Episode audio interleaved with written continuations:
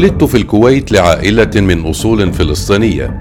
كبرت غير عن كل الأطفال الفلسطينيين بدون حرب ولا انتفاضات وما عشت الطفولة الفلسطينية المقاومة. بس كان براسي إنه لازم أرجع لفلسطين. اتدربت على رياضة الجودو لبداية حرب الخليج. حاربت مع الكويتيين وانسجنت شهر كامل وكان عمري أقل من 18 عام. بعدها انتقلنا إلى الأردن. درست الثانوية وحصلت على معدل عالي ومن ثم افتتحت محل ميكانيك للسيارات. واقترضت المال ولكن للأسف لم أنجح. بس ما وقفت هون. سافرت إلى كوريا الجنوبية وأول ما وصلت بدأت من الصفر.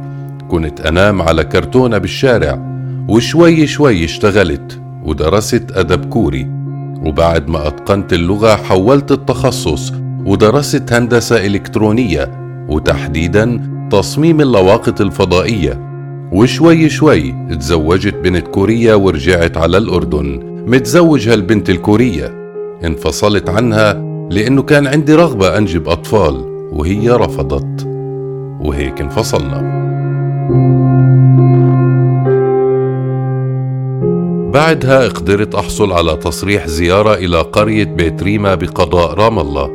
طلعت زيارة لهناك وأخذت قرار ما في رجوع ولا خروج من فلسطين اتزوجت وأنجبت تالا وصفاء وأسامة وحصلت على عقد عمل بشركة لواقط وبدأت أموري في التحسن.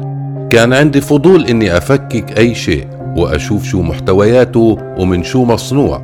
هذا الفضول نما وصار موهبة لدرجة أنه صار عندي قدرة على تصنيع عبوات ناسفة بمواد بسيطة وتصنيع مواد سامة من حبات البطاطا فكرت أنه هاي الموهبة لازم تفيد المقاومة.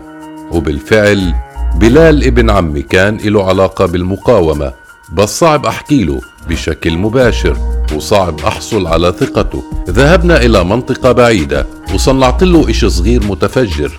انصدم بلال وانصعق وبسرعة طلع على نابلس عند أيمن حلاوة. وطلبوني وعرضوا علي أشتغل معهم. وبلشت رحلة الهندسة التفجيرية مع كتائب القسام صرت مهندس عبوات ناسفة ومنتج مواد سامة ومنتج صواعق عملنا معمل صغير وبلشنا نصنع وننفذ. عملية سبارو شاركت فيها الأسيرة الأردنية أحلام التميمي. هي نقلت سهيل المصري لمكان العملية وهو فجر حاله. وأخذ معه تسعة عشر قتيلا صهيونيا ومئة وعشرين جريحا وأضرار بمباني كبيرة وسيارات مشاهد مرعبة. وبسرعة اسمي صار عند الصهاينة وصرت المسؤول الأول عن العملية. بدأت مطاردتي. حملة التفتيش كانت بنفس العمارة وأنزل مع السكان. ويتم تفتيشي لكن ما بيعرفوا إني الشخص المطلوب. اعتقلوني مرة وخرجت. أكثر من مرة كنت أعطيهم هوية مزورة وما يعرفوني. كانت حياتي طبيعية جدا رغم إني مطارد. أعيش حياة طبيعية خالية من المشاكل. بشتغل وبنام وبخطط لعمليات فدائية جوا الكيان بكل هدوء. إحدى العمليات زرعنا قنبلة داخل مقصف الحقوق بالجامعة العبرية ردا على عملية اغتيال صلاح شحادة وربطناها بهاتف عن طريق محمد عودة كان عامل دهان في الجامعة. وبس طلع فجرها عن طريق التليفون وقتل فيها تسعة صهاينة وحوالي مئة جريح. وعملية النادي الليلي في ريشيون لتسيون الأردني محمد معمر نفذها بحزام ناسف وقنبلة ولباس صهيوني. محمد تسلل من الحواجز ودخل النادي وزرع فيه القنبلة وفجرها ثم فجر نفسه بالحزام الناسف وقتل حوالي خمسين صهيونيا وأصاب أربعمائة. وبالتحديد هذه العملية تفتحت لها عين الصهاينة وبدأت حملات مكثفة لاعتقال العقل المدبر لكن محاولاتهم فشلت كالعادة. في شهر ثلاثة عام 2005 اتفقت مع مكتب عقاري لشراء شقة وذهبت لمعاينتها أنا وبنتي تالا. بنتي كانت معي لمراجعة طبيب العيون وفي الطريق بشكل مفاجئ كلاب بوليسية هاجمتني. قاومت الكلاب لكن حاصرني الجنود. وأمسكوا بي. بدأت رحلة التحقيق من المسكوبية وبدأ الشبح ووضعوا الأكياس على وجهي ومعها الضرب والتهديد. استخدموا معي أسلوب التعذيب المرعب. لم أنم لمدة 13 يوما. متواصلات. ما يعني 312 ساعة تعذيب متواصل. التحقيق بالقوانين الدولية معروف بمدة لا تتجاوز 90 يوما. لكن بمفهوم الكيان المحتل هو تعذيب استمر لمدة خمسة أشهر. عانيت معاناة لا يمكن لقلم أن يكتبها. ولا حتى لصوت أن ينقلها. صدر قرار المحكمة ووجهوا الي 109 من التهم.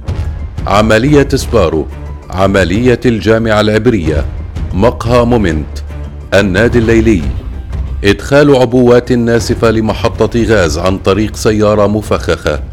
إدخال عبوات ناسفة لشركة غاز وشركة تكرير البترول. قتل 67 صهيونيا وجرح 500 آخرين.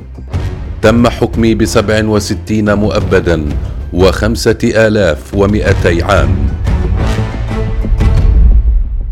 وضعوني بالانفراد منذ عام 2003 لغاية 2012 ألفت كتبا كثيرة خرجت من زنزانتي. منها مهندس على الطريق الماجدة. فلسطين العاشقة والمعشوق المقدسي وشياطين الهيكل المزعوم المقصلة أمير الظل. بعدها قمت بعمل إضراب عن الطعام كان مطلبي الخروج من الزنزانة. انتصرت عليهم وخرجت من الانفراد بعد رحلة إضراب عن الطعام لمدة ثلاثة أشهر فقدت الوعي 72 ساعة. حاولوا إعطائي إبرا مغذية لكن انكماش الأوردة والجلد منعهم. ما تسمى بإسرائيل تشعر بالرعب مني حتى وأنا في الزنزانة. تم حكمي بأعلى حكم في التاريخ وتم عزلي بالانفرادي لأكبر مدة. تم تعذيبي لمدة خمسة أشهر دون نوم. حرموا عائلتي من زيارتي. وبعد نضال منهم لسنوات ليحصلوا على تصاريح لزيارتي زوجتي أم أسامة عندما سألوها ما رأيك بحكم زوجك؟ سبع وستون مؤبدا ضحكت وقالت كنت متوقعه ستة وستين مؤبدا. أعادوني للانفرادي بعد اتصالي مع برنامج الأحرار بإذاعة غزة من سجن رامون وقلت على الهواء وطالبت حركة المقاومة وجناحها العسكري. لا تستعجلوا بصفقات تبادل الأسرى. نحن هنا ثابتون ثابتون. وهذا الحكي خلاني أرجع على الانفراد. اسمي مدرج بقائمة أسرى يمنع التفاوض بشأنهم أو الإفراج عنهم. الأذى والرعب الذي سببته للصهاينة دعاهم لقول لو تحررت فلسطين واليهود يطلعوا منها هذا راح ناخذه معانا. أنا عبد الله غالب عبد الله البرغوثي. مهندس العبوات الناسفة المحكوم بسبع وستين مؤبدا وخمسة آلاف ومئتي عام. خروجي من الزنزانة بكبسة إصبعين. وصفتها أمام عدسات الكاميرات. أطلق نيرانك لا ترحم. رصاصك بالساح تكلم. أطلق نيرانك لا ترحم. فرصاصك